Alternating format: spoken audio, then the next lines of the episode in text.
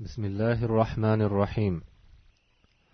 الحمد لله رب العالمين والصلاة والسلام على أشرف الأنبياء والمرسلين نبينا محمد وعلى آله وأصحابه ومن تبعهم بإحسان إلى يوم الدين. السلام عليكم ورحمة الله وبركاته. عزيز ومحترم مسلمان برادرلر ushbu darsimizda islom rukunlaridan biri bo'lmish ulug' haj ibodati haqida so'z yuritib bu haqida imom navoiyning riyozi solihin nomli kitobidagi haj kitobida zikr qilingan oyat va hadislarni sharhlashga kirishamiz. Unda hajning ma'nosini aytilgandan so'ng uning farzligiga dalolat qiladigan ba'zi oyat va hadislarni zikr qilamiz. Shu asnoda hajning shartlari haqida bir oz to'xtalib o'tamiz va alloh taolodan aytayotgan so'z va qilayotgan amallarimizda haq va to'g'rilikka muvaffaq qilishini so'rab qolamiz.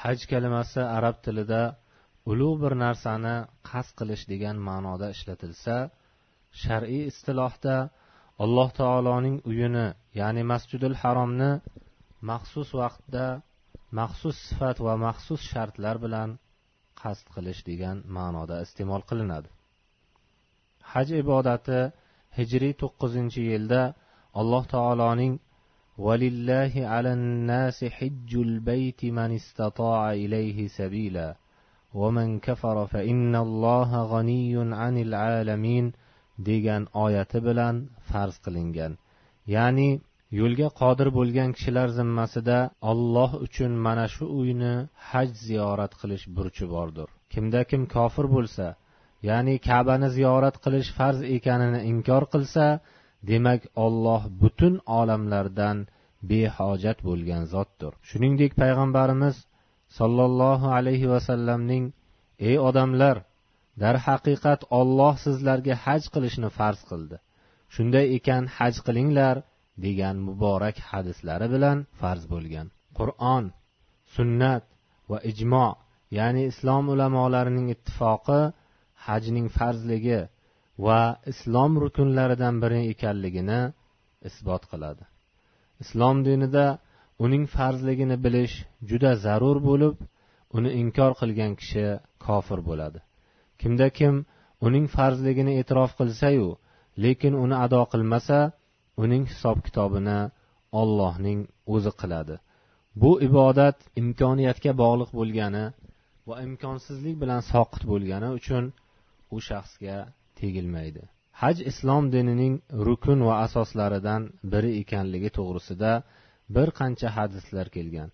Musulmonlar bunga alohida ittifoq qilishgan. Bu ulug' ibodat uni ado etishga qodir bo'lgan har bir mukallaf erkak va ayolga umrda bir marta farz qilingan. Bunga oyat hadis va islom ulamolarining ijmosi dalolat qiladi. Aziz va muhtaram birodarlar haj ibodati beshta shart bilan vojib bo'ladi. Ular quyidagicha. Birinchisi musulmon bo'lish. Kofir kishi haj qilsa haji durust bo'lmaydi. Chunki alloh taolo mushriklar haqida tavba surasida ey mo'minlar hech shak shubhasiz mushriklar najas nopokdirlar. Shuning uchun ular bu yildan so'ng masjidil haromga yaqinlashmasinlar deb aytgan. Imom buxoriy rahimaulloh abu hurayra roziyallohu anhudan rivoyat qilgan hadisda aytilishicha abu bakr roziyallohu anhu hajjatul vadodan oldingi payg'ambar sollallohu alayhi vasallam amir qilib jo'natgan hajda qurbonlik kuni u kishini ya'ni abu hurayrani kelgusi yildan boshlab bironta mushrik haj qilmasin va baytullohni biron bir yalang'och kishi tavof qilmasin deb odamlarga e'lon qiladigan bir guruh ichida yuborgan ekanlar. Ikkinchisi aqlli bo'lish. Hajda ham boshqa ibodatlardagi singari kishining aqlli bo'lishi shart qilinadi. Chunki telba va aqldan ozgan kishilarning qilgan haji durust bo'lmaydi. Rasululloh sollallohu alayhi vasallam u haqida shunday deganlar. Uch kishidan qalam ko'tarilgan ya'ni ularga gunoh yozilmaydi. Uxlagan kishi uyg'onguncha bola ehtilom bo'lguncha va telba aqlli bo'lguncha. Uchinchisi balog'atga yetish. Balog'atga yetmagan bolalarga haj qilish farz emas. Lekin qilishsa hajlari durust bo'ladi. Biroq bu bilan farz haj ulardan soqit bo'lmaydi. Bir ayol bir go'dak bolani payg'ambar sollallohu alayhi vasallamga ko'rsatib buning haji haj bo'ladimi? deb so'raganda payg'ambar sollallohu alayhi vasallam ha sen uchun ham savob bo'ladi dedilar. To'rtinchisi hurriyat. Qul va cho'rilarga haj qilish farz emas. Haj qilishsa hajlari durust bo'ladi. Biroq bu bilan ulardan farz soqit bo'lmaydi. Ibn abbos roziyallohu anhuma qaysi bir bolaga oila a'zolari haj qildirgandan so'ng balog'atga yetsa unga qaytadan haj qilish vojib bo'ladi. Bordiyu balog'atga yetmasdan oldin vafot qilsa o'z hajini ado qilgan bo'ladi. Qaysi bir qulga xo'jayinlari haj qildirgandan so'ng ozod bo'lsa unga qaytadan haj qilish vojib bo'ladi. Bordiyu ozod bo'lmasdan oldin vafot qilsa o'z hajini ado qilgan bo'ladi deydilar. Ushbu hadis bundan oldingi shartga ham dalil bo'ladi. Beshinchisi hajga borishga qodir va imkoniyatli bo'lish. Bu ulug' ibodat haj amallari bajariladigan o'rinlarga borish imkoni bo'lgan shaxslargagina farz hisoblanadi. Yo'llari notinch haj qilishga yetarli mablag'i yo'q shaxslarga uni ado etish farz emas. Xotin qizlar uchun qo'shimcha yana bir shart bo'lib agar shu shart topilmasa ularga haj qilish farz bo'lmaydi. Bu shart ularga hajda hamroh bo'ladigan mahramdir. Chunki ibn abbos roziyallohu anhu aytishlaricha rasululloh sollallohu alayhi vasallam ayol kishi mahramsiz safar qilmasin va begona kishi u bilan birga mahramsiz o'tirmasin degan ekanlar. Navoiy rahimaulloh aytishlaricha bu hadisdagi mahramdan ayol kishining mahrami ko'zda tutilgan bo'lishi mumkin. Yoki ayol yo erkakning mahrami ko'zda tutilgan bo'lishi ham mumkin. Mana shu ikkinchi ehtimol fuqarolarning qoidalariga mos keladi. Chunki ayolning huzurida uning o'g'li aka ukasi onasi va opasiga o'xshash mahramlari bo'lishi bilan erkakning opasi qizi ammasi va xolasiga o'xshash mahramlari bo'lishining orasida farq yo'q. Zero shunga o'xshash holatlarda erkak kishi ushbu ayol bilan birga o'tirishi joiz bo'ladi. So'ng ushbu hadis ayolning eri bilan xoslangan.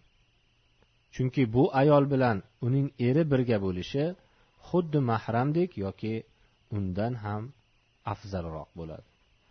Biroq begona kishi begona ayol bilan birga uchinchi shaxs bo'lmasdan xoli qolishi ulamolar ittifoqi bilan haromdir.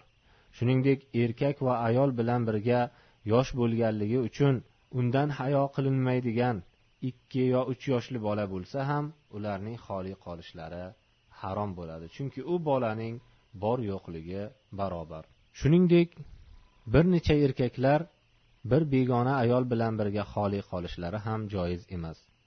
Lekin bir kishi bir necha begona ayollar bilan birga o'tirishi ulamolarning eng kuchli fikrlariga ko'ra joiz. Bularning hammasidan zarurat holatlari mustasno. Masalan erkak kishi yo'ldan adashib qolgan yoki shunga o'xshash holdagi ayolni uchratib qolsa unga hamroh bo'lishi joiz. Balki unga hamroh bo'lmasdan tashlab ketgan taqdirda unga keladigan xavf xatardan cho'chisa unga hamroh bo'lishi lozim bo'ladi. Bu masalada hech qanday xilof yo'q. Bunga ifk qissasidagi oysha roziyallohu anhaning hadislari dalolat qiladi. Mahram esa balog'atga yetgan aqlli va musulmon kishi bo'lishi shart. Chunki mahramdan ko'zlangan maqsad ayol kishi uchun haj amallarini bajarishga imkoniyat yaratib berish va uni himoya qilib asrash. Ayol kishi eri yoki mahramidan boshqa kishilar bilan birga safar qilishi joiz emas. Quyidagi shaxslar ayol kishiga mahram bo'la oladi. Birinchi qarindoshlik sababli ayolga uylanishi harom bo'lgan shaxslar. Masalan uning otasi o'g'li amakisi va tog'asi. Ikkinchi sut emish orqali harom bo'lgan shaxslar. Masalan uning otasi emizgan o'g'li va emishgan aka ukalari uchinchisi qudachilik orqali harom bo'lgan shaxslar. Masalan erining otasi yoki o'g'li yoki ayolning kuyovi. Xotin qizlar mahramsiz haj qilsalar hajlari durust bo'ladi. Lekin uni mahramsiz qilganliklari uchun gunohkor bo'ladilar. Yuqorida zikri o'tgan bu besh shartni o'zida mujassam topgan har bir musulmon fursatni boy bermasdan haj qilishga shoshilmog'i kerak. Chunki rasululloh sollallohu alayhi vasallam imom ahmad rivoyat qilgan hadisda farz hajni ko'zda tutib taajjalu ilal hajj fa inna ahadakum la yadri ma ya'ridu lahu. Ya'ni haj qilishga shoshilinglar chunki birortalaringiz nimalarga duch kelishini bilmaydi degan ekanlar. Shu bilan ushbu darsimizga yakun yasaymiz va uning davomini alloh xohlasa keyingi darslarimizda e'tiboringizga havola qilamiz.